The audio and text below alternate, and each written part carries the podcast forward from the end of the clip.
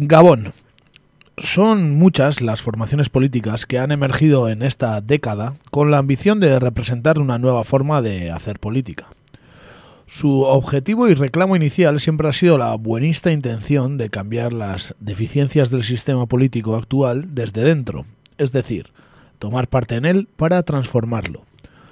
Ciertamente no es un planteamiento inédito, pero hemos de admitir que la salida a escena de alguno de estos partidos sí nos dejó algunas situaciones que no habíamos presenciado hasta entonces. También hemos de admitir que la efervescencia y la originalidad que parecían aportar se diluyó como un azucarillo en el café. El paso del tiempo ha hecho que la ambigüedad ideológica de estos partidos los convierta en meras sucursales del sistema. Si nos referimos a Siriza en Grecia, hemos podido constatar cómo un proyecto sólido que parecía poder cambiar el rumbo de Europa se ha desmoronado llevándose por delante las ilusiones de la llamada nueva izquierda europea. Si miramos hacia Italia, vemos como el inicialmente ambiguo movimiento Cinco Estrellas ha ido dejando a un lado su ambigüedad para convertirse en, un en una peligrosa herramienta xenófoba y racista. ¿Qué decir del Estado español? Donde la evolución de Podemos ha dejado de manifiesto que jamás un partido político podrá sustituir las aspiraciones y legítimas reivindicaciones de los movimientos populares, precisamente porque el sistema en el que se incorporan estos partidos es el que crea las carencias que en la calle se denuncian. Estas nuevas corrientes y maneras de renovar la política haciéndole un lifting para que no parezca tan tradicional, también han llegado a nuestro país. La cotidianidad de las reivindicaciones a pie de calle ha sido sustituida por una acción institucional que no acaba de dar sus frutos. Los nuevos métodos de hacer política parecen no resultar eficientes para responder a los grandes problemas que tiene nuestro país. Solo acabando con la ambigüedad ideológica de las propuestas políticas actuales y recuperando la conciencia y los valores, será posible que los partidos políticos sean una herramienta que puedan ayudar a los movimientos populares al cambio social. Y sí, en ese orden, ya que en esta operación el orden de los factores ya ha alterado el producto. Ongi etorri hemen hasten da gaur egur. Guten Tag, meine Damen und Herren. C'est la lutte contre le terrorisme. Katea ez da eten. Agirre, garaikoetxea, leizaola. Gaur egur. Gaur egur. Gaur egur. Jolasten eta enredando.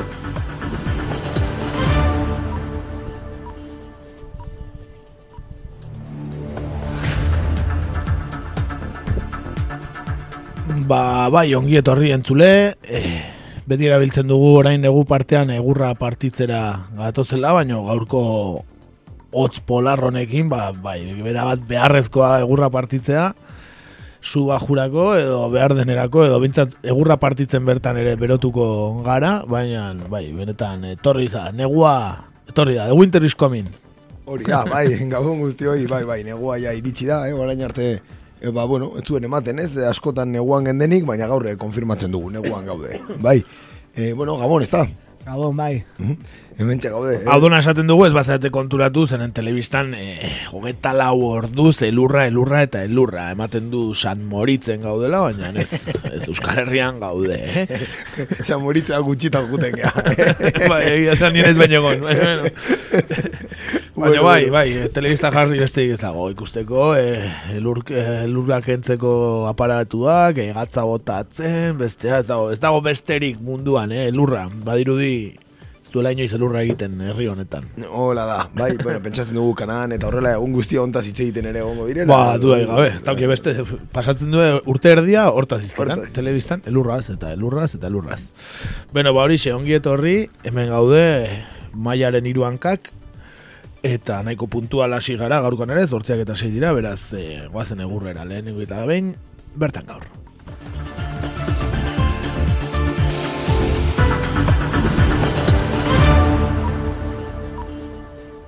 Bertan gaur.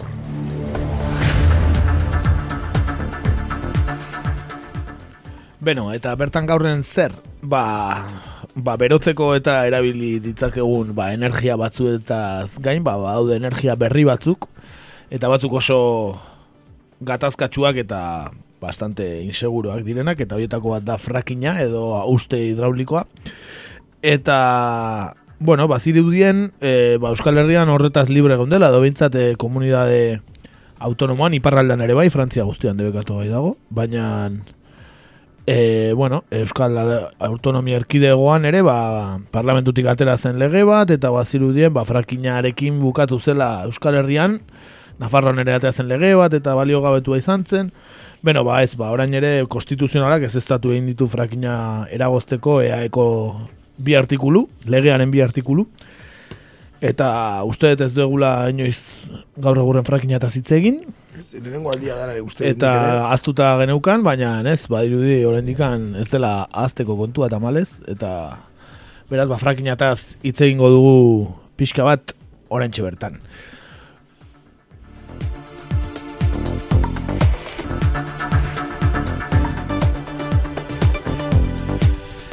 Eta, ba, despistaturik balego, ba, lehenik eta behin zer den esplikatuko dugu frakina. E, frakina austura hidraulikoa ere deitzen zaio, ingelesez hidraulik frakturin edo frakin, izen ez ezaguna. Presio handiko fluido baten bidez, harri geruzak austeko prozesua da. Oroar, petrolioa gas naturala edo beste sustantzia batzuk lurzorutik erausteko sortutako prozesu desberdin bat. Austuralan bakoitzean, putzu bat zulatzen da erreserbak dituzten harri formazioetan. Presio handiko fluidoa injektatzeak, zartadura berriak sortzen ditu arkaitzetan, e, erregai fosilen erauste tasak handituz. Austura hidraulikoak kezka eragindu mundu osoan, jardun bide horrek lurpeko eta lurgaineko urak kutsatu ditzakelako ingurumenaren, osasunaren eta segurtasunaren gainean eragin potentzial handia duelako eta zenbait herrialdetan ba, bertan bera utzi da edo debekatu egin da. Kontua da, ba, orain arte etzela rentablea, baina nola petroleoa e, ba, gutxitzen ari den, eskasiara doa petroleoa, ba, ba beste beste formatu batuetan atera formatu, bat, formatu batzuetan atera behar da, edo petroleoa ba, harri askoren artean dagoen tokietan ez denen hain putzu garbia, ba, horra atera behar da, usturak egiten harrian usturak, eta bueno, oso gatazka da, oso arriskutsua, e, ingurumenaren zat, gure osasunaren zat, eta bar, eta ba, Euskal Herria tamalez ez dago ez dago salbu. Duari gabe, bai, gero, bueno, sortzen den galdera askotan, zergaitik kontra egon, eh? zergaitik frakinaren eh, aurka egon, ba, orokorrean eh, ekologismoa eh, teknika honen aurkako jarrera erakutsi du mundu oson, eta Euskal Herrian ere horrela gertatzen ari da. Eh, hauek dira aipatzen diren arrisku nagusiak. Alde batetik, ba, lurraren okupazioa, hori horrelako ba, erauzketak egiteko ba, lur eremu handiak okupatu behar dira eta gehien bat eremu naturalak, ba, parke naturalak eta bar eta nekazal inguruen ba, lurroiek okupatzen ditu enpresa horiek ez. Duari gabe, bai, bigarren faktorea, ba, landa ere muen industrializazio izango litzateke, bai, oda frakina egiteko industrializazio bat egertatu behar da ere muetan, eta hori ere, ba, duari gabe, bada faktore bat. Horretaz gain, ba, logikoki kutsadura atmosferikoa. At, sortzen dituen gas eta abarrek, ba, kutsatzen dute, bai, atmosfera, eta baita gehiago ere. Bai, duari gabe, bai, e, uraren eta kuiferuen kutsadura ere gertatzen da, bai, frakinaren teknika erabiltzen denean, Horretaz gain, e, zulatzerakoan, ba, metanoak ere ies egin dezake, eta oso arriskutsua bihurtu. Duari gabe, eta, bueno, esan bezala, ba, guztionek pertsonen osasunaren gan arazo larri asko, eh? e, sortu ditzake, mhm. Eta, eta guztionen, ba, ba, ondorioz, ez, dago kontrako posizio bat, ez, e, mm mugimendu ekologistatik, eta oroar beste... Hori da, ba, gehien ba, ba, teknika hau, ba, hauen zabalera, ba, erregei fosilen agortzarekin badatorrelako lehen esan bezala, eta orain urte batzuk ba, horrelako ustiapenak ez ziren rentableak inon. Eta orain ere ez dira inon rentableak inguru giroari dagokionez, baina bueno, estatu batuetan eta badaude planta handiak eta bentan benetan irudi harrigarriak eta beldurgarriak ikusi daitezke frakina egin duten tokietan, ba nola dagoen dena, dena zirkulo handietan, bueno, ikaragarria. Benetan ikusi ez duenarentzat, ikusi dezala informa dadila pixkat internet bidez, ba irudiak eta dokumentalak eta badaudelako. Benetan beldurgarria da e, frakinaren kontu hau.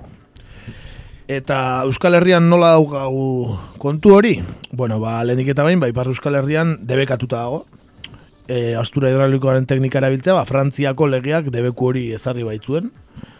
Eta Euskal Herrian berriz, ba, denbora laburrean austura hidraulikoaren proiektua asko plazaratu ziren, eta asko eman zuen e, hitz egiten, ko asko egin eman zuen, handiena ba, arabako iparraldean kokatu nahi zuten, enara handia proiektuan. Eta hori aurrera emateko 2000 putzutik gora egin behar ziren, o behar zituzten, eta ekologisten informazioak dioenez, ba, orain mai gainean dauden ikerketa baimenek eta eskaturako zundaketek lurraldearen eremu hauek hartzen dituzte, ego euskal herrian. Bai, arabako lurraldearen euneko larogeita sortzia. Bai, ia, ia edozein zundatuko dezakete, araban, Bizkaian euneko irurogeita mairua, Gipuzkoako lurraldean euneko berrogeia, eta Nafarroako lurraldean euneko amalaua. Esan, Gipuzkoako euneko berrogei horietan urretxu eta zumarra dagoela. Beraz, gu, gure gana ere iritsi liteke frakina. E, edo behintzat zundaketa horiek egin, eta ea posible den, aztertzeko, baina, bueno, ja, posibilitateak aztertzeko, ja, e, egin behar dira, egin behar dena ja, ingurumenarentzako oso kaltegarria. duare gabe, zundaketak bakarrik kaltegarriak dira, eta, eta bueno, zerrenda horretan, esan bezala, ba, gure bi herriak daude. Eh? Bueno, Bai, bai. Eta, Bai, bai. eta zenbait kasutan, euki kontutan, Euskal, Herritan, Euskal Herrian hasiagatikan e, zundaketa, ba mugatik arago doazela, nola, ba, hart- hartzen badute putzu bat, petroleoa atera daitekena frakinaren bidez, zate, bestela ezin da atera, oso zaila da, ba, ba agian Euskal Herrian hasi, baina bukatu dezakete, ba, putzu horiek iristen diren edadura negatiboa, Kantabriara, Burgosera eta Zaragozara, adibidez. e, proiektu horien atzean, ba, hainbat enpresa gaude, eh, noski. E, Sesa, Petrichor Euskadi Kooperativ, Cambria, Trofagas Hidrocarburos, Frontera Energy Company, Unión Fenosa, Oil and Gas Skills, eta beste hainbat. Bai, hola, ba, momentu zola ezaguna egite zaigun bakarra Unión Fenosa. da, Bai, ez? hori da, Baina, bai, bueno, besteak izango dira ere enpresa desberdinen arteko ba, Bai, batuketa horietako. OPA, nola dira, nola ditzen dira. Da. Ba, dagoeneko Ego Euskal Herrian, hogeta iru udalerrik eta irurogei kontzeju inguruk austura hidraulikan aurkako mozioak onartu dituzte. Eta 2008ko azaroaren emezortzian jakin zenez, Eusko Jaurlaritzak ez zuen oztopatuko austura hidraulikoari buruzko herri ekimena. E jaurlaritzaren ustez, eztabaida Eusko Legebiltzarrera eramatea egokia zen, baina arlo horretako eskuduntza estatuaren azela adierazi zuen. Eta abenduaren lauan, ba, Euskal 2008ko abenduaren lauan, e, Eusko Legebiltzarrak austura hidraulikoaren kontrako herri ekimena, eztabaidatzea onartu zuen, eta horrela aintzat hartu zuen frakinez plataforma sortu zen plataformaren testua onartzea hau batez Eusko Legebiltzarrak. Gero Legebiltzar taldea jatorrizko testura landu behar izan zuten. Abenduaren amaseian, gorenak erabaki zuen, udalerriek ezin zuten austura hidraulikoari buruzko galdeketarik egin. Eta hurrengo egunean, e, 2008ko abenduaren amazazpian, proiektuen ingurumen eragina batera neurtzea baztertu zuen Eusko Legebiltzarrak. EH Bilduk eta PSek alde egin zuten, eta EAJak, PPek eta orduan UPIDek aurka egin zuten. Abenduaren emezortzian, auzitegi konstituzionalak baliogabetu egin zuen austura hidraulikoa baimentzen zuen teknika debekatzen zuen Nafarroako legea. Egun berean, austura hidraulikorako proiektuak globalki ebaluatzea ukatu zuen legebiltzarrak. EH Bilduk eta PSek ebaluazio proiektuak bere osotasunean kontuan hartzea eskatzen zuten, baina EAJak, PPek eta UPIDek aurka egin zuten. Beraz, orduan, e, Nafarroan legea zegoen debekatzeko, baina auzitegi konstituzionalak atzera bota zuen, eta e, legebiltzarrak, Euskal Legebiltzarrak gazte, gazteizkoak, naiz eta onartu zuen e, frakinaren kontra egitea, ba EH Bildu eta PSE bat zeuden osotasunean frakinaren kontra egitearen alde, baina EAJ, PP eta UPID e, hortxe. Ez zeuden alde, baina ez zeuden denain kontra. Agian batzuen alde bai, besten kontra ez, bueno, ambiguetate hortan. Kasuan kasuko... Hori ez, kasuan kasu bai, kasuan kasu ez. Beno, alare atea zen lege bat, e, nun ikusita Nafarroko legea e, atzera bota zuela konstituzionalak, ba, e, pentsatu zuten ez egitea olako lege antzeko bat, debekatzen orokorrean frakina. Orduan zein zuten, ez zuten e, legea, ez zuten debekatu frakina, baina jarri zizkioten e, legalki e, oso oso e, ba oso zaila egitea frakina, ez? Ba, oztopo legalak edo, Oso bueno, restriktiboki, oso restriktiboa, bai, egin beharra ba, proba asko, ikerketa asko, eta, bueno, ez? Eta, ba, hori bera, e, 2008an gertatu zen, Eusko Legebiltzarrak austura hidraulikoa edo frakinaren kontrako legea onartu zuen. Lege honetan ez zen espresuki frakina debekatzen, baina oztopo legal handia jartzen zitu- zituen. Honela, Nafarroan baliagoetu zuten legea kontuan eukiketa, ba, eaen baliago, baliogabetzari aurre egin nahi zioten horrela. Beno, ba, aurreko astean enteratu gara, konstituzionalak ez estatu egin dituela, frakinaren lege horretarako ko bi artikulu, ba, bi artikulu nagusi, ba, e, oztopo horiek jar- jartzen zituzten artikulu horiek, ezta? Bai, ingurumena babesteko autonomiek onar ditzaketen arau gehigarriez, aragokoak eh, atzeman ditu, eta Espainiaren elegitea ez du osorik eh, onetxi, bai? Mhm. Orduan, e, berritu egin du Espainiako auzitegi konstituzionala gaurretik Nafarroarekin eta beste hainbat autonomia arkidegorekin, adibidez Herrioxa, Cantabria, Katalunia, hor, urratutako bide berdina. Baliago betu egin du 2008an Eusko Legebiltzarrak austura hidrauliko edo frakinaren kontra onartu zuen legea.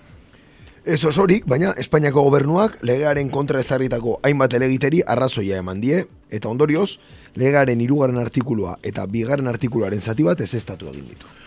Onartzen die auzitegiak autonomia arkidegoei ingurumena babesteko arau gehigarriak indarrean jartzeko eskumena, baina uste du aipatu legean ezartzen diren neurriekin gainditu egin dela autonomia honetxitako eskumenen esparrua. Horregatik, ebazpena. Lege hori idazteko orduan erabaki zen ez erabateko debekurik jartzea austura hidraulikoaren bidez hidrokarburoak erausteko jardun bideei. Era horretan hain zuzen ere, legea balio gabetzea saiestu nahi zen. Debekuaren ordez, tankera horretako erauztak egiteko zailtasun handiak ezartzen zituen legeak, geologiarekin, inkurumenarekin, paisaiarekin edota egora sozioekonomiarekin lotutako eragozpenak aintzat, aintzakozat hartuta. Erauzketak debekatzeko modua ematen zuen. E, hainbesterainokoak dira muga hoiek ordea, e, ezen auzitegi konstituzionalak ebatzi baitu horiekin estatuko legeria urratzen dela.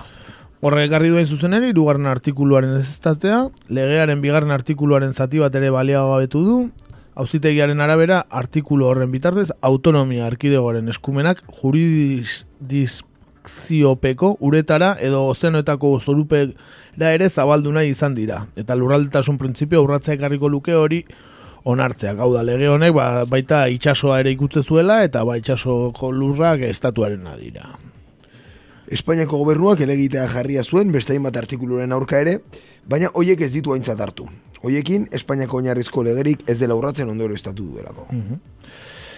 Tamala erakutsi du eusko legebiltzarrak, hori esan du, ebazpen horren arira, hauzitegi konstituzionalak autu drastikoaren alde egin duela adiraziz. Nabarmendu du gainera ez dela aho batez onartu konstituzionalak ez duela aho batez onartu hau.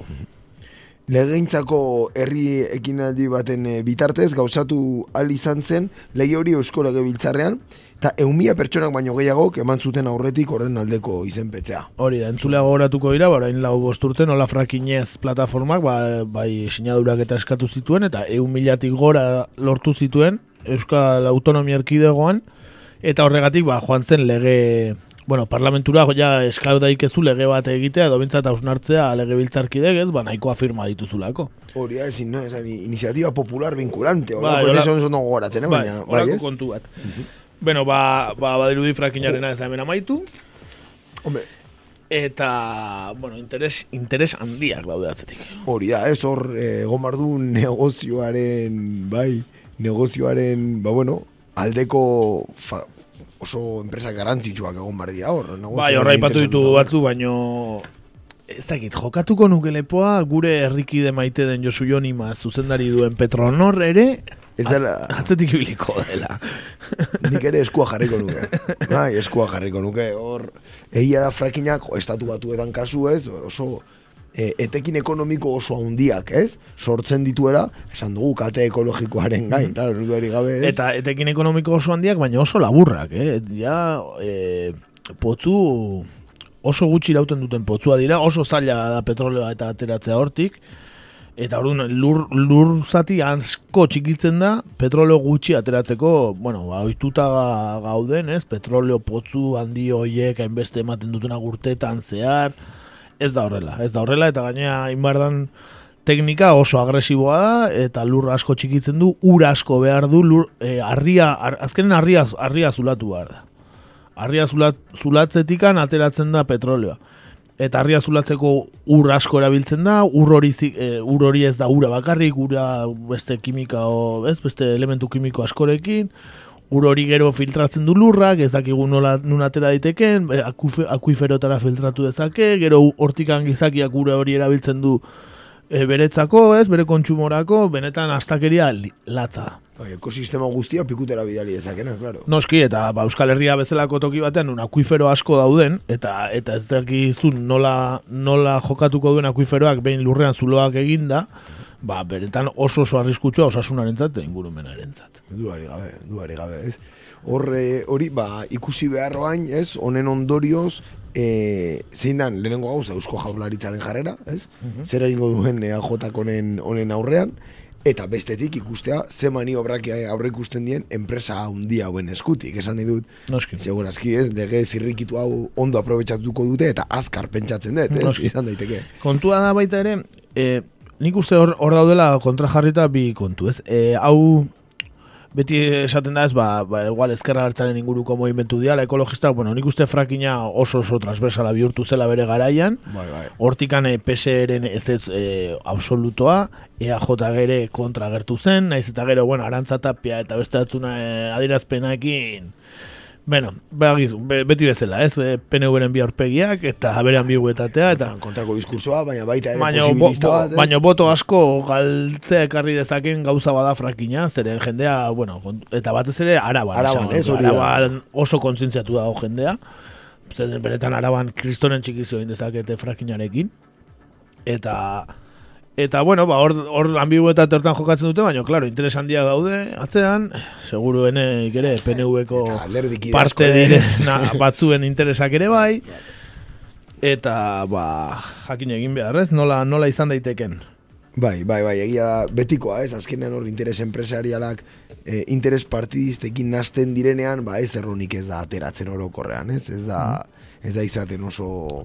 Entzule baten ap- apuntea, e, nien nintzela gogoratzen, e, Petronorreko zuzendari esan dugu Josuño, baina txiki geratu zuten Repsoleko zuzendari dugu. Hori da, hori da, egia, egia, bai, bai, mi esker puntualizazioaren gatik, bai, ala da, bai, bai, Repsoleko zuzendaria dugu, bai, Ba, bueno, oraindik interes handigoa izango dute.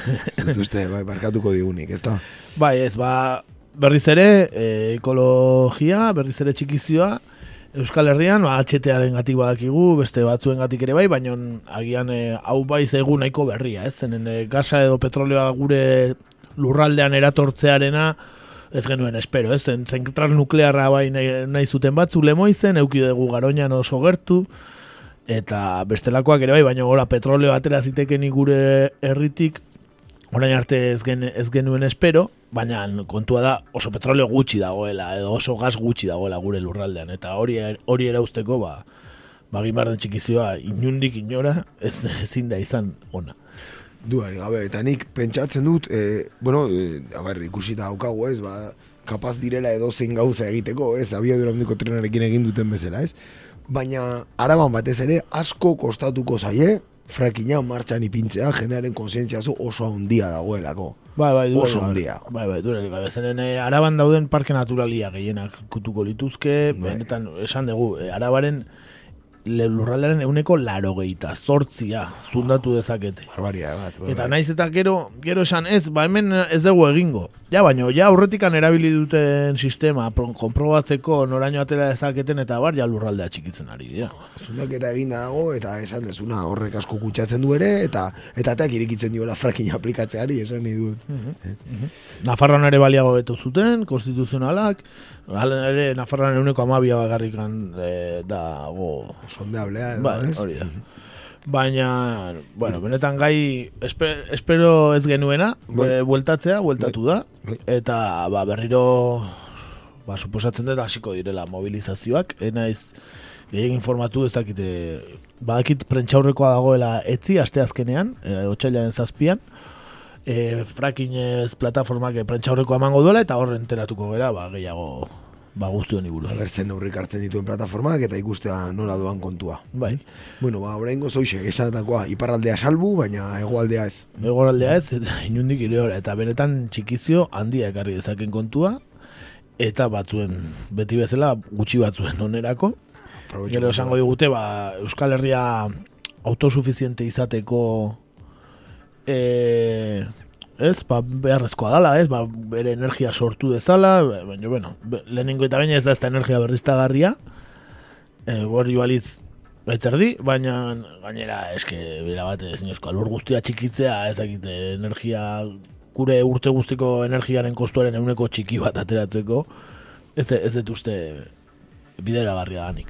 Hemen autosuficientzia dibiden, dividendotan, ez, neurtzen dut. hori da, hori da. E, azkenen amaitzeko, ba, e, aipatu beste beste adibidea gehiago dela, Euskal Herria eh, behar duen e, ba, bere autogobernua edo bere in- independentzia edo nahi dezun bezala, ez? E, ja, beste behin ere, gu, gure herriko alderdiek adostu duten lege bat atzera bota digu Espainiar konstitu, eh, aud, aud, audientzia konstituzionalak, ez?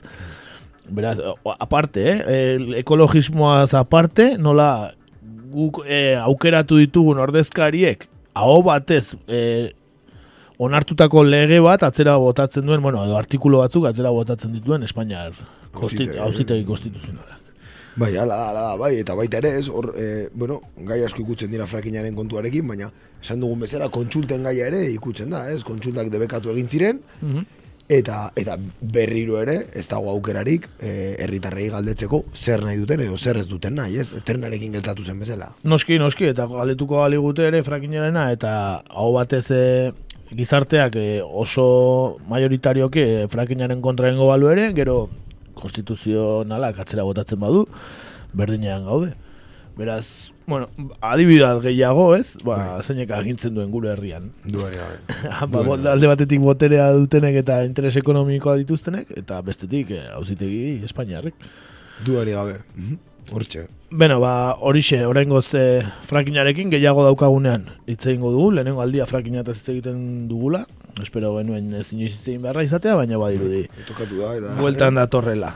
Amaitzeko beti bezala abesti bat, eta ba, gaurkoan, ba, nola araban eukizuen e, oso indar handia fra, frakinaren kontrako plataformak, ba, bueno, ba, eskusa bezala, ba, arabako talde bat ekarri dut. Da, balitza Disko berri atera duela orain bi aste edo, bankanpen entzungai dago, bidela purrak taldea eta zari naiz, talde bikaina. Eta orain atera dute bigarren diskoa, gorriak eta bi diskoa, eta hau da diskoa ikitzen duen abestia, adibidez abestia.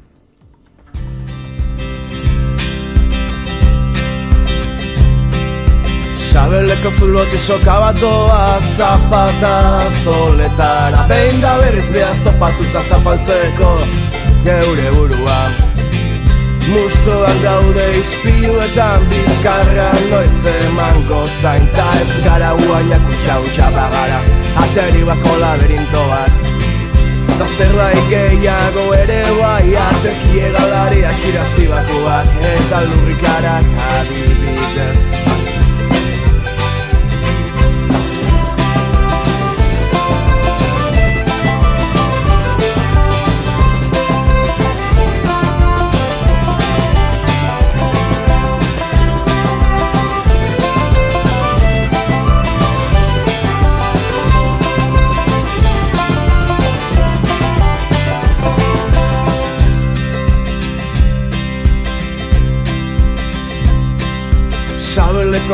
soka bat doa zapata zoletara Behin da berriz behaz topatuta zapaltzeko geure buruan.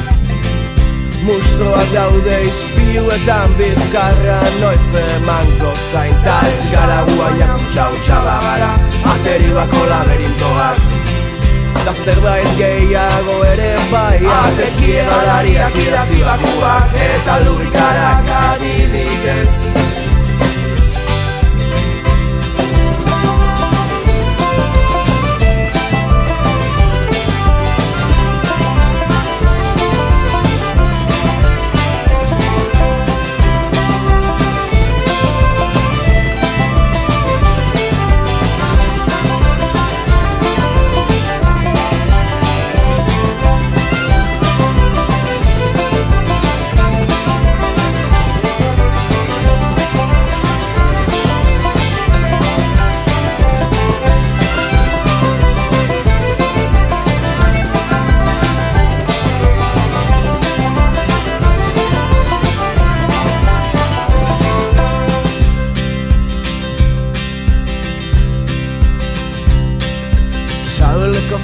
soka bat doa zapata zoletara Behin da berriz behaz topatuta zapaltzeko geure buruan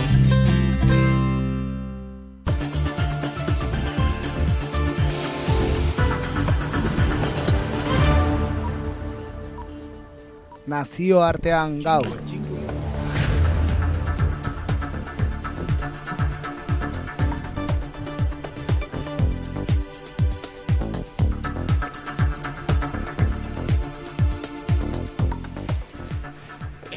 Bueno, eh, pues pasamos a la sección internacional como todos los lunes. Y bueno, eh, hoy nos vamos a quedar más cerca que de costumbre. ¿eh? Vamos a permanecer en, Europa, sí, cosa que normalmente no solemos hacer. Solemos preferir hablar de, temas que no se abordan, no, o de países que no, que no se tratan tanto en, los medios de, comunicación. Y, y hoy nos vamos a ir a Italia, en el contexto de las elecciones generales que tendrán lugar el próximo 4 de marzo vamos a analizar un, movimiento que se ha hecho muy conocido, que surgió en el año 2009 en una escena política italiana decadente, ¿eh? como, como una bocanada de aire fresco, pero que, bueno, con el paso de los años, pues se ha convertido en un elemento muy peligroso, ¿eh? de ideas ambiguas que, a menudo flirtean con la, con la extrema derecha. Eh, hoy nos acercamos a conocer el movimiento 5 estrellas a Italia.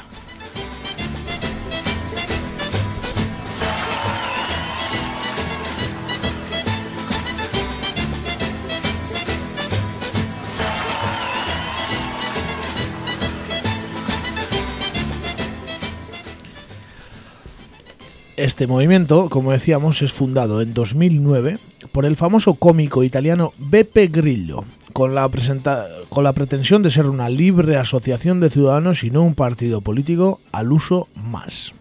Sí, se definía entonces como un partido ecologista, anti-euro y euroescéptico, y abogaba por la gratuidad de Internet, la democracia directa y la política financiada por donaciones privadas y no por dinero público.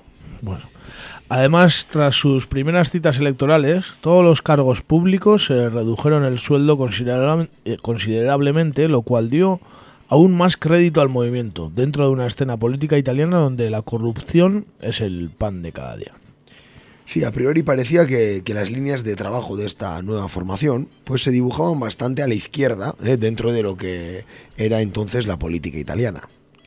La verdad es que casi una década después de su creación, si algo ha quedado claro, ha sido su transversalidad en que, que en parte ha sido producto del malestar de la crisis económica y política italiana ha creado en los ciudadanos. Sí, y es que cabe recordar que el movimiento de Beppe Grillo fue fundado en 2009, en una época en la que la izquierda y la derecha se alternaban en el poder, y esa situación pues favoreció su imagen de nuevo partido dentro de la nueva política, ¿no? Vamos a decirlo así. El hecho de no aceptar en sus filas a los conocidos como políticos de carrera también le ayudó desde el principio a ganarse el agrado de parte del electorado.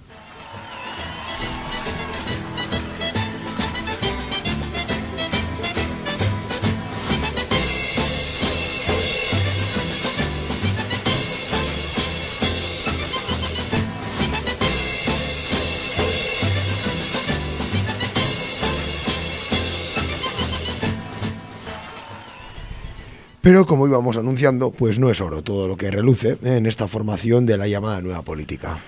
Un claro ejemplo de ello es el sistema que toma de toma de decisiones que tiene este movimiento. Sí, es un sistema bastante alucinante, vamos a explicarlo. Las decisiones se toman a través del blog personal de Beppe Grillo, el cual está gestionado por la empresa privada Casaleggio Associate.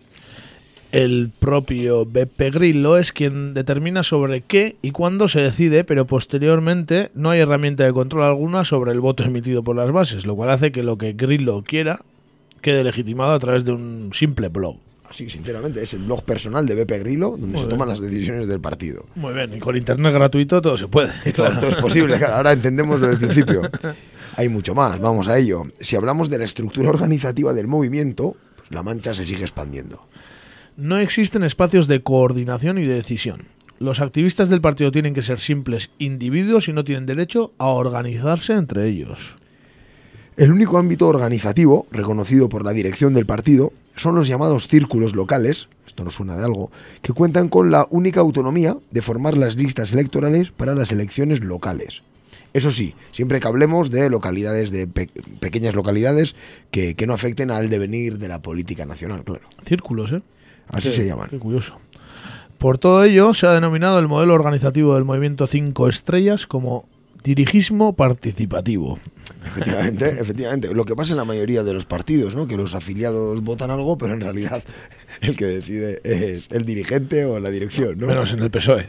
Perdona, perdona.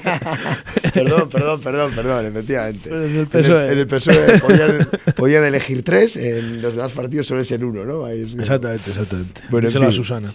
Es un término muy, ¿cómo decir? Muy original, ¿eh? Dirigismo participativo. Sí. Está muy de moda por aquí también. Bueno, en fin. Dicho de otro modo, el partido cuenta con una masa de individuos llamados a hacer clic cotidianamente en sus ordenadores y smartphones, siempre sobre decisiones menores y nunca sobre decisiones estratégicas. Otra señal de identidad de este movimiento en su principio de rechazar el pacto, como han hecho en la designación de los últimos presidentes de la, de la República, cuando se negaron a acordar sus nombramientos con los demás partidos.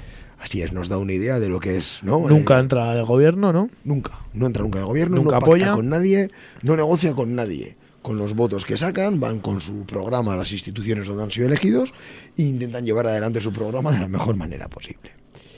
Bueno, pero hay una decisión que es muy gráfica ¿eh? de lo que realmente es el movimiento Cinco Estrellas, que hasta ahora puede parecer un ente difuso, ¿no? Algo bastante etéreo que no está muy, no, no, no resulta muy claro, ¿no? El contenido político. Pues bueno, el- la decisión gráfica es su apuesta por alinearse en las instituciones europeas, por ejemplo, con el Frente Nacional francés o el UKIP británico. Es decir, Ahí va, ahí va. Vaya por Dios, con la extrema derecha. Y es que Beppe Grillo cada vez se está escorando más a la derecha en su discurso que, que se posiciona contra los impuestos o el rechazo a la acogida de personas migrantes, como no. Sí, pero el problema de más envergadura eh, para esta formación, a la que en las últimas elecciones europeos votaron casi 6 millones de personas, ahí es nada, es la gestión que está llevando a cabo en las instituciones en las que ha logrado el poder. Claro, ahora, ahora viene la... ¿no? Ahora viene Paco con la rebaja. Ba- Bajaron el sueldo todos, pero, pero en B en B se lo subieron. La gestión de la abogada Virginia Raggi al frente del consistorio de Roma, que fue alcalde de Roma, una de cinco estrellas de, de este movimiento, pues, eh, pues una gestión desastrosa. Está siendo desastrosa y está superando los peores presagios. Sí, sin duda. Incluso se dice que está dejando a su antecesor, Gianni Alemano, con quien la mafia logró penetrar en las principales instituciones de la ciudad, en un lugar más liviano que el que se merece.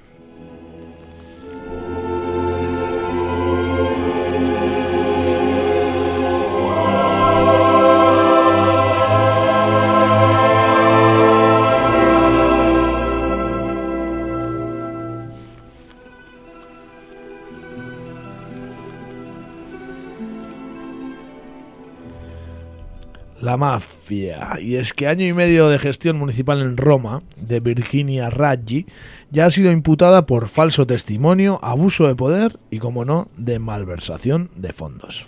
Bueno, ya va inflando el currículum y a pesar de ello, Beppe Grillo la sigue defendiendo a capa y espada. Hombre, claro, si tiene a una alcaldesa de Roma en su formación. No la pueden dejar caer. No, no. La formación del ex cómico de Beppe Grillo también ha tenido problemas con, con su alcalde en Parma, otra gran ciudad de Italia, que fue imputado por abuso de poder en mayo del 2016. Así es. Para las elecciones generales del próximo mes de marzo, el Movimiento Cinco Estrellas presenta a Luigi Di Maio como candidato a primer ministro, ya que Grillo se ha autoapartado de las instituciones debido a una decisión interna del partido de excluir de la actividad parlamentaria a todos los condenados por delitos penales. Y Beppe Grillo está condenado por delitos penales. Vamos a ver por qué. Muy bien, pues vamos a ver por qué.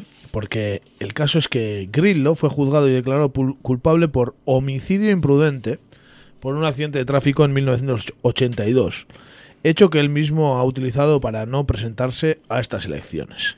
Suena todo muy sospechoso, ¿no? Vamos a Se va a hacer un arzayus ahí, ¿no? ¿Eh? Esto, es- esto se llama hacer un arzayus en política. Se va a hacer, hombre, se va a hacer y corta madera, corta madera. ahí, ¿eh?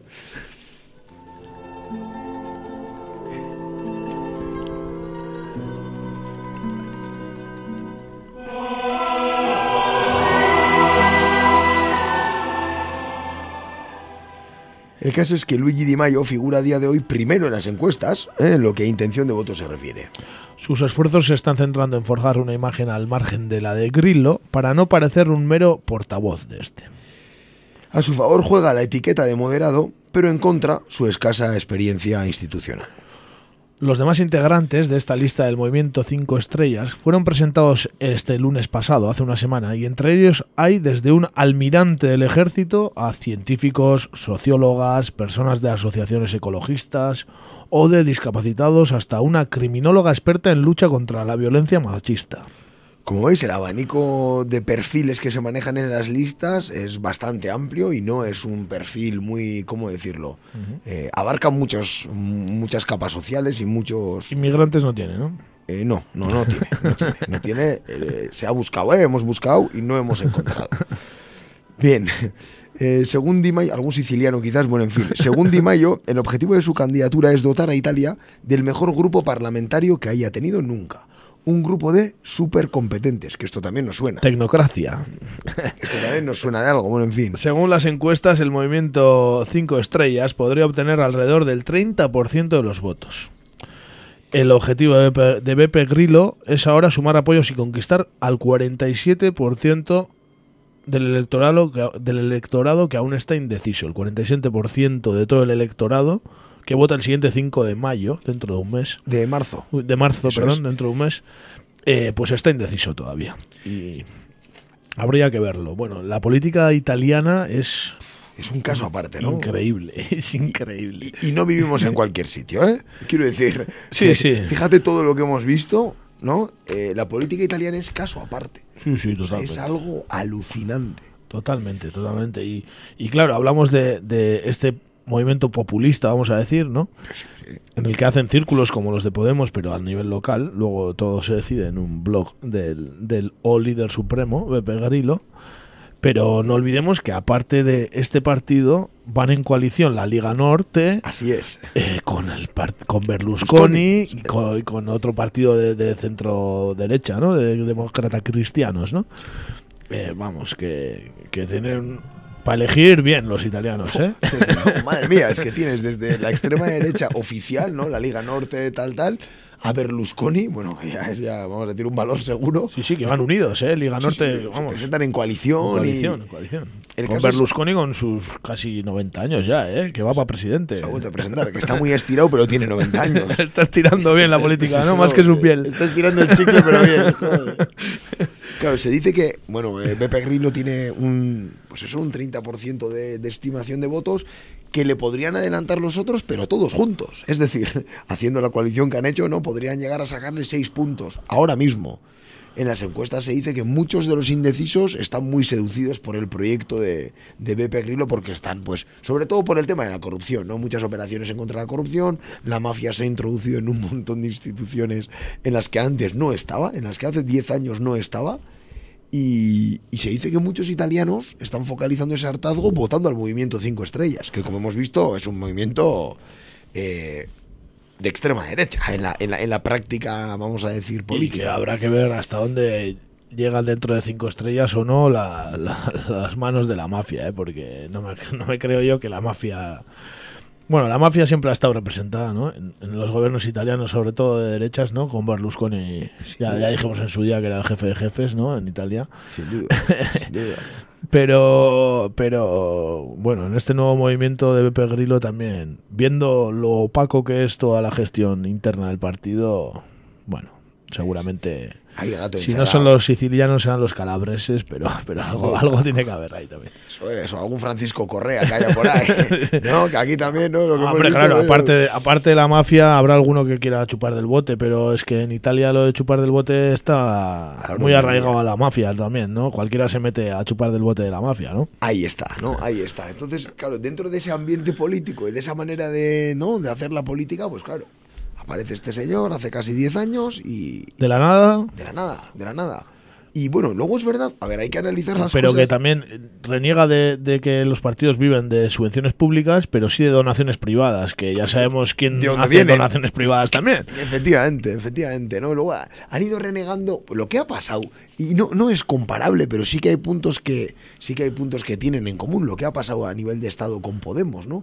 Que parte de unas máximas en un principio se funda un partido con unos principios y un ideario y ese ideario se va mutando constantemente en función del momento político y eso es lo que ha hecho Pepe Grillo en Italia y, bueno, con una estructura en un principio, ahora ya no, ¿no? Pero bastante parecida a la de Podemos. eh, con un discurso eh, bastante parecido también con el tema de los supercompetentes, ¿no? Lo de los supercompetentes, bueno, no solo en, a nivel de Estado, en el- aquí también en Euskal Herria está muy de moda. Es decir, eh, la política ya no pertenece a la gente, entre comillas, eh, vamos a decir, de todo tipo. Únicamente pertenece a personas que tienen, eh, en general, estudios universitarios. No hay políticos ni personas que se dediquen a la política eh, que sean eh, de otros oficios como existían antes, ¿no? Un albañil podía ser político o, no, un peluquero podía ser político. Hoy en día eso ha desaparecido, ¿no? Eh, la política está dedicada únicamente a los más preparados. Personas que tengan varios másters, personas que sepan un montón de idiomas, para que luego una persona y ocurre, lo digo, eh, aquí en Euskal Herria, como ocurre a nivel de Estado, ¿no? Para que luego finalmente eh, un catedrático en biología se dedique al departamento de cultura o al Sí, sí. departamento de transportes, lo cual no tiene nada que ver, ¿no? Pero estamos en esa fase, en esa fase y, y el movimiento 5 estrellas también bebe de esa fuente, o sea, Claro, pero es que Podemos, vamos a decir, es de los últimos en sumarse a ese cargo de populismo que se ha creado en Europa, ¿no? sin duda. Porque, vamos, Ciudadanos empezó ya antes también en, en el Cataluña, aunque ahora, claro, ahora ha pegado un boom que le dan de primero en las encuestas algunos, ¿no? Ya arriba Está del todo. el top, Albert. Está, eso es. con la mano derecha en el top, ya, tocando. Arriba del todo. Arriba del Pronto todo. le llegará un SMS, sé fuerte, alguna historia de esas. Pero sí, claro, bueno, en Siriza también era algo así, pero no de otra manera, más de izquierdas, aunque bueno, luego el viraje que ha tenido, bueno, es para comentarlo otro día. Eso es, eso. Macron también ha salido de ahí. sin duda. Alemania resiste, parece ser. Sí, sí hay países así que van resistiendo a esto, entre comillas, la nueva política que le llaman, ¿no? Pero te das cuenta que en realidad, ¿no? Bien partidos de izquierdas, de autodenominados de izquierdas como de derechas, siguen el mismo patrón. La nueva política básicamente se fundamenta en la tecnocracia, es decir, que, que sean personas eh, lo que llaman supercompetentes. Claro, no, Eh, no hay a- más que ver que los fundadores de Podemos son todos catedráticos de ciencias políticas. Ese es el, el tema es ese. Que claro, no hay más que ver, ¿no? Pues son catedráticos de ciencia política que, siguen la, la política mundial y la europea. Ven que en Europa está calando un, un discurso populista donde no, lo vamos a decir entre todos, en círculos, vamos a votarlo por internet, que también lo hace Podemos. Claro, claro. Y bueno, pues bueno, pues como buenos catedráticos de ciencias políticas dijeron, este es nuestro camino para para asaltar el cielo, como dijeron, pero Sí, a saltar los cielos, ¿no? Y se han quedado ahí en la, se han quedado en ahí la estratosfera. ¿verdad? con San Pedro en la puerta. Eso es, ¿no? Y en realidad, a ver, que es, eh, son nuevas maneras de hacer política, entre comillas, porque en realidad no son nuevas maneras. El, el resultado es bastante antiguo, ¿no? Quiero decir, eh, no hay más que ver lo que ha ocurrido en Italia. Es un movimiento peligroso, un movimiento peligroso. Pero al margen de eso, eso de votar por internet, ese tipo de nuevas, ¿no? Vamos a decir, nuevas formas, aquí también existen. Euskal Herria Bildu, por ejemplo, ha utilizado esos métodos, ¿no? o, ot- o otros partidos, ¿eh? Otros partidos. Podemos bueno, mismo- podemos, podemos en todo el estado. en Navarra, en eso, efectivamente, ¿no? En la comunidad autónoma. Entonces, eh, esa es la, ¿cómo decir? La- hay algunos elementos de la nueva política, de la llamada nueva política, que valen tanto a los partidos autodenominados de izquierdas como de derechas. Sí, claro. Y luego lo de que en círculos se toman decisiones pero que no son muy trascendentales. Luego hace hace tres semanas hablamos de Podemos Navarra y Por cómo ejemplo. habían destituido, bueno, había perdido por 30 votos Laura Pérez eh, seguir siendo coordinadora general, pero es que ahora la han quitado de, de ser portavoz en el Parlamento y de todo y con, bueno, con una cuestión bastante turbia. Por lo que seguramente deduzco que vendrá de arriba también todo eso. Que vendrá de, los que mandan en Madrid. Pues ya eso no lo deciden en el círculo de, de lectores este que tiene. Claro, no tienen blog, pero funcionan bastante así también, ¿no? Sí, Quiero sí. decir, Aunque creo que Berlusconi no, no andará por ahí con, con un blog en internet. Bueno, blog en internet tendrá, pero no creo que lo no le hace ni falta, no le hace ni falta, ¿no? No le hace ni falta. No creo, no creo. Pa, El caso, bueno, sin más, por hacer un apunte, muchos sociólogos, sobre todo sociólogos italianos, eh, han, alertado ¿no? sobre el movimiento Cinco Estrellas y, y muchos dicen que es el movimiento más difícil, de todos estos movimientos de los que estamos hablando, el más difícil de interpretar, al ser el más original, por decirlo de alguna manera, ¿no? Es como inédito, lo nunca visto, pero sobre todo lo consideran el más peligroso. Sí, porque ha sabido jugar a la ambigüedad y ahora mismo tiene tendencias fascistas, eh, tendencias de extrema derecha, muy, además, muy arraigadas en el fascismo italiano. En ciertas partes del discurso se hacen guiños a, A al pasado. Mussolini, ¿no? Pues más o menos, más o menos, ¿no? Esa es un poco la, la tendencia. Que por tiene. cierto, eh, este fin de semana un fascista ha tirotado a cinco, cinco o seis subsaharianos, ¿no? Sí, He leído algo en Twitter, algo he podido también pero no, no, no he leído mucho, pero sí, alguno que. un militante de Liga Norte, en este, en este caso creo que era, que ha, ha sacado el- la pistola y ha empezado a disparar a gente de color negro. Veremos cuál es la condena que le imponen los tribunales. Ya veremos. Y decimos que, que el movimiento Cinco Estrellas no pacta con nadie al gobierno, pero ya quiero ver yo, ¿eh? si está para el gobierno y para presidirlo con la Liga Norte y demás. No creo que le suponga mucho problema, veremos. Pero Aunque Italia es un país donde se adelantan elecciones constantemente, siempre hay crisis políticas. siempre, siempre. Se elige un siempre, presidente, no, no luego es, otro, luego no, es cuestión de, de crisis económica, ¿no? Pues como pudo pasar en otros sitios de Europa, ¿no? Que llega una crisis económica que arrasa con todos los gobiernos de, que están en el poder, con todos los partidos y, se- y salen unos nuevos. En Italia siempre hay caos político. Siempre, Siempre, hay caos político, ha habido asesinatos políticos de la mafia y demás. Bueno, ha sido una historia, bueno, muy, muy, muy, muy importante. La, la historia de la política italiana muy convulsa durante muchos años. muchos años y es un país que no que no que no acaba de salir ¿no? de ese círculo vicioso de esa manera de funcionar sigue funcionando así desde hace décadas no y Porque seguramente los que mandan están en la sombra también, ¿no? sin duda, sin duda, sin duda, hay, hay poderes ocultos como los hay en el Estado no como existen los poderes fácticos en, en el Estado español pues ahí parte de esos poderes fácticos también es la mafia no vamos a decirlo así Sí, sin duda, sin duda. Y, y todos y luego pues la Liga Norte y todos estos que se que viven de- del discurso de que el norte trabaja y los del sur son vagos y Un clásico no, hay, hay, hay ya racismo interno en Italia también, no solo a- al exterior, a los inmigrantes de fuera. Bueno, es, es un, es un guirigay muy muy bonito el de Italia. digno de analizar digno de analizar La En verdad fin, es que sí. pues bueno hasta aquí no hasta aquí nuestro nuestra sección internacional no Ujú, Interesante Hemos- de Italia, habrá que volver después del 5 de marzo tal vez, a ver cómo a ver qué deparan las elecciones que hay dentro de un mes. Eso es, y luego pues veremos, ¿no? A ver qué ocurre y haremos un seguimiento, sobre todo de Beppe Grillo, que tiene, como hemos dicho, buenas expectativas. No, él no se presenta, ¿eh? Bueno, perdona, Luigi Di Maio, este que era, le han puesto ahora, como se suele decir en lenguaje callejero, puesto por el ayuntamiento. Vamos a Por, dejarlo. por el blog de por el blog de Por el Pepe. blog de Beppe Grillo. el blog de Pepe Grillo lo ha puesto ahí. No, bueno, pues en fin, esto es lo que tenemos hoy. Y bueno, pues acabamos con una, con una canción, ¿no? En este caso un clásico, ¿no? Yo creo que la reconoceréis. Sí, no vamos a decir ni cuál es. La reconoceréis. Ahí va un clásico.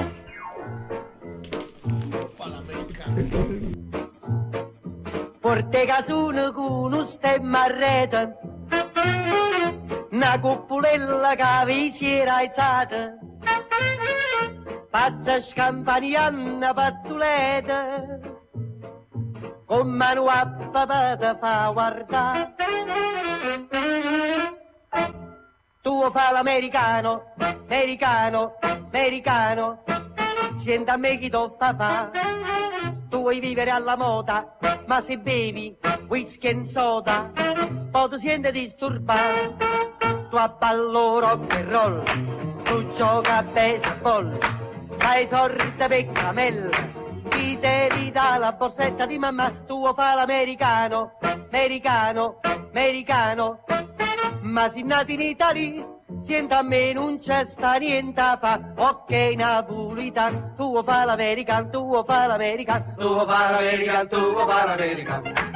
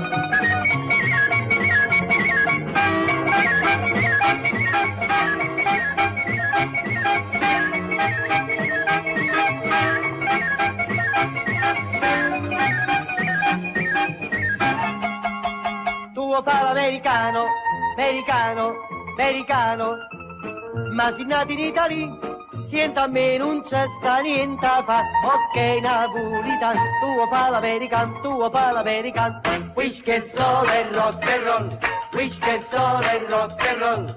Wish che so del rock and roll, tuo fa l'american, tuo fa l'american. Wish che so del rock and roll, wish che so del rock and roll, wish che so del rock and roll.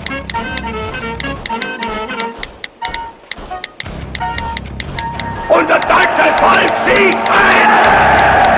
Siegt ein! Siegt ein!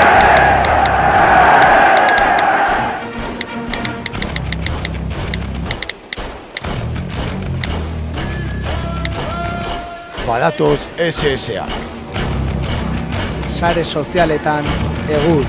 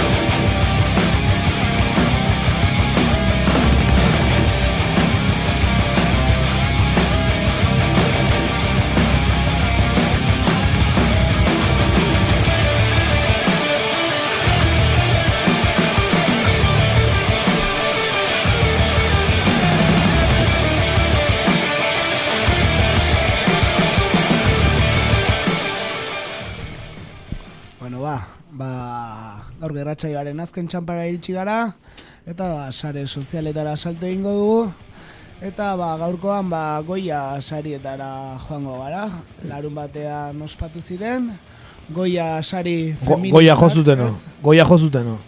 Baita, ja. Bai, oso, goia jozuten, ez da? Bai, eh? Eta inungo beste urtetako, baino e, goia sari feministagoak, ez, izan omen dira. Ah, bai, eh? Bai, bai, Bai, bai. bai. Pero bueno, Besteak feministak zian, eh? bai, pero bueno, no nos metamos en eso, ¿no? Eh, Bai, bai, bai. Ba, entzutet batek esan ziola, eh? E, tipa batio entrevista entzela Bai, aurkezleko. bai. Ah, bale, bale. Oso. Hemen daukat, horregin joan ez lehenengoa, eta honela, Letizia Dolerarekin egon zen ah, hizketan, eta horrela esan zion, eh, está quedando muy bien, ¿eh? Un campo de nabos feminista, precioso.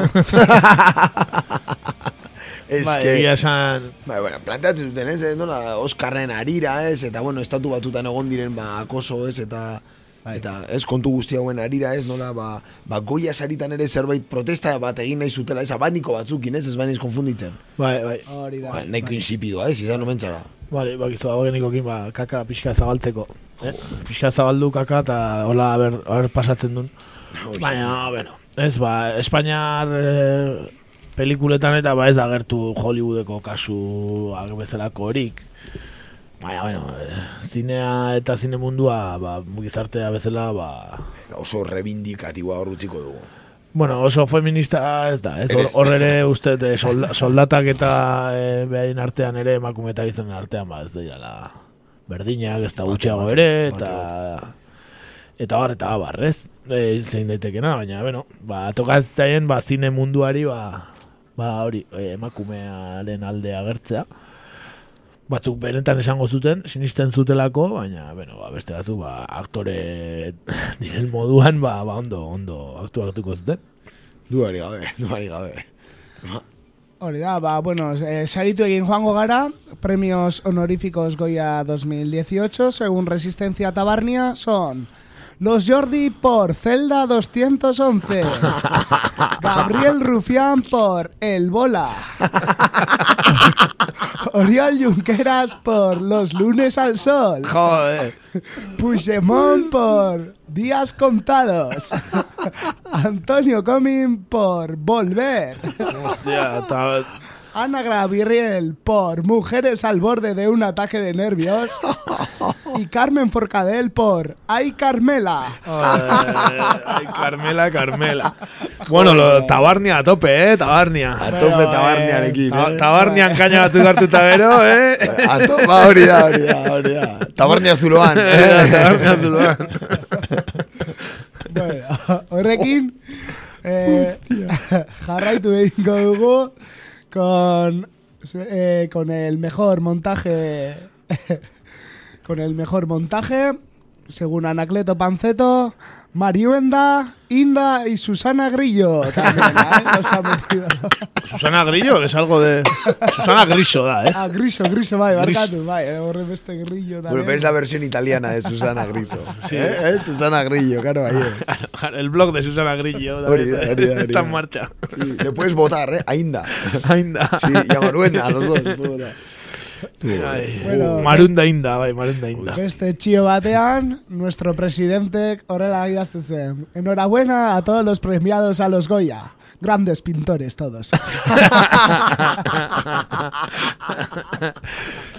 Ona, ona, ona. La maja desnuda, ¿verdad? La maja, bueno, eta beste batekin, hau, hemengo bat irikusten gustatuko zaiola, Severino pont, ponto, jartzen zuen. No sabía yo que habían vuelto a juntar. Lo comía. Pedro y Pablo lo comía. Albert y Pablo lo comía. Pablo y Albert lo comía. Pedro y Goya lo comía. Pablo y Goya lo comía. Lo comía. Venga, abaniko horiek. Abaniko gorriakor. Claro, claro, abaniko, abaniko gorrik zian, ez, kontua. Bai, bai, gorrik, Ba- ba, abaniko bakarrik gorrik, ez? Eh, eh, abaniko kizi jozena gorrik ez ziren, eh? Ez, ez, gorria gutxi. Gutxi, gutxi ziren. Baina abaniko gorrik, ez, mujeres o zaitze jartzen zuen, ez? Ah, Baina bai, ko- polemika sortu ere bai, eh, Albert Rivera que etzulako, eh, ama, Ez hori da, ez? batzuek ez zuten hartu nahi izan, nahi abanikoa. Bertan Al- Albert Rivera. Ah, pero, pero, ¿por qué no le hicieran el chiste de Albert Pablo lo comía? Que- Eh. Es que te gustatzen flamenkoa eta rollo hori eta hola abanikok eta... No nos metamos en eso. No, esa disertación que no lleva parte alguna. ¿La española? ¿Y la española? ¿Y la europea? Ba, Inés Arrimadas igual emango zuen igual, ez? Ez que baita horren da polemika, ez? Eh, nola martxan zortzirako greba ditut emakumeeko, ez? Bai. Feminista taldeek eta bar. Bai. Ba, Ciudadanosek ez dala alde agertu eta horre badukate polemika txo bat uste. Ah, bitu, enekin, enekin. Hortan ere, hortan ere. Hortan ere, hortan ere No. ambiguetatea, bai. Hortan, a ber, zesatuen Alberten blogak, bai, bai, hor bozkatu, eta, a ber. A ver si idazten duen Albertek eta, eh? Joder. Ona, ona, ona, ona. Joder. bakizu zeinak ematen duen Albert, Albert Riveran bloga. Belen guzuk, el primo de Rivera. Uy. Gaur gaude on fire. On fire, eh? El, el primo de Rivera. Bai, jauna, bai, jauna. Bueno, y siguiendo con. siguiendo con Rivera, 200 bares, tuiteaba así. La gran triunfadora, como siempre, la cocaína. Bai, moituko zan, ane, bai, bai, hainbeste artista eta... hainbeste artista eta Albert Rivera moituko zan. Bai, bai, hor, bai, kizute. Politikok dauden leku normalen, eh, olako kontuk, bai, kizute. Ai, ama, ai, ama. Albert, ez daukala problema hidrogakin esan zuen, así que... Sekula, sekula, ez, ez, ez, ez, ez da bere. Ez bazaio falta, ez dauka problema. Hori da, hori da, hori da. Ahora sí que ez dago, eh? Principios, eh? Principios. Bueno, ba, eta orain egia da jarraituz, Gerardo Tezerekin joango gara, eta honek zioen... Los vascos llevan sin ganar un Goya cinco minutos o más. Han debido de aplicar el 155 o algo.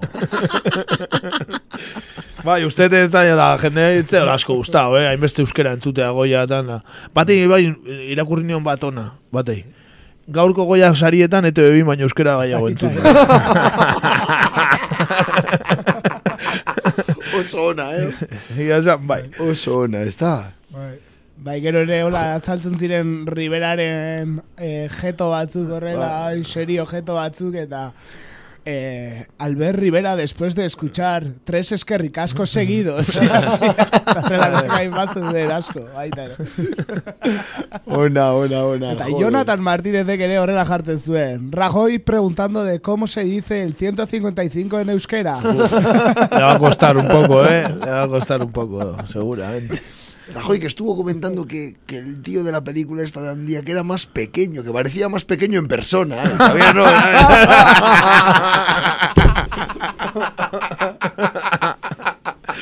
Todavía no lo ha pillado, no ¿no? lo has pillado. Es, es más pequeño en persona. Si soy más alto yo. Pues parecías más alto en la pantalla.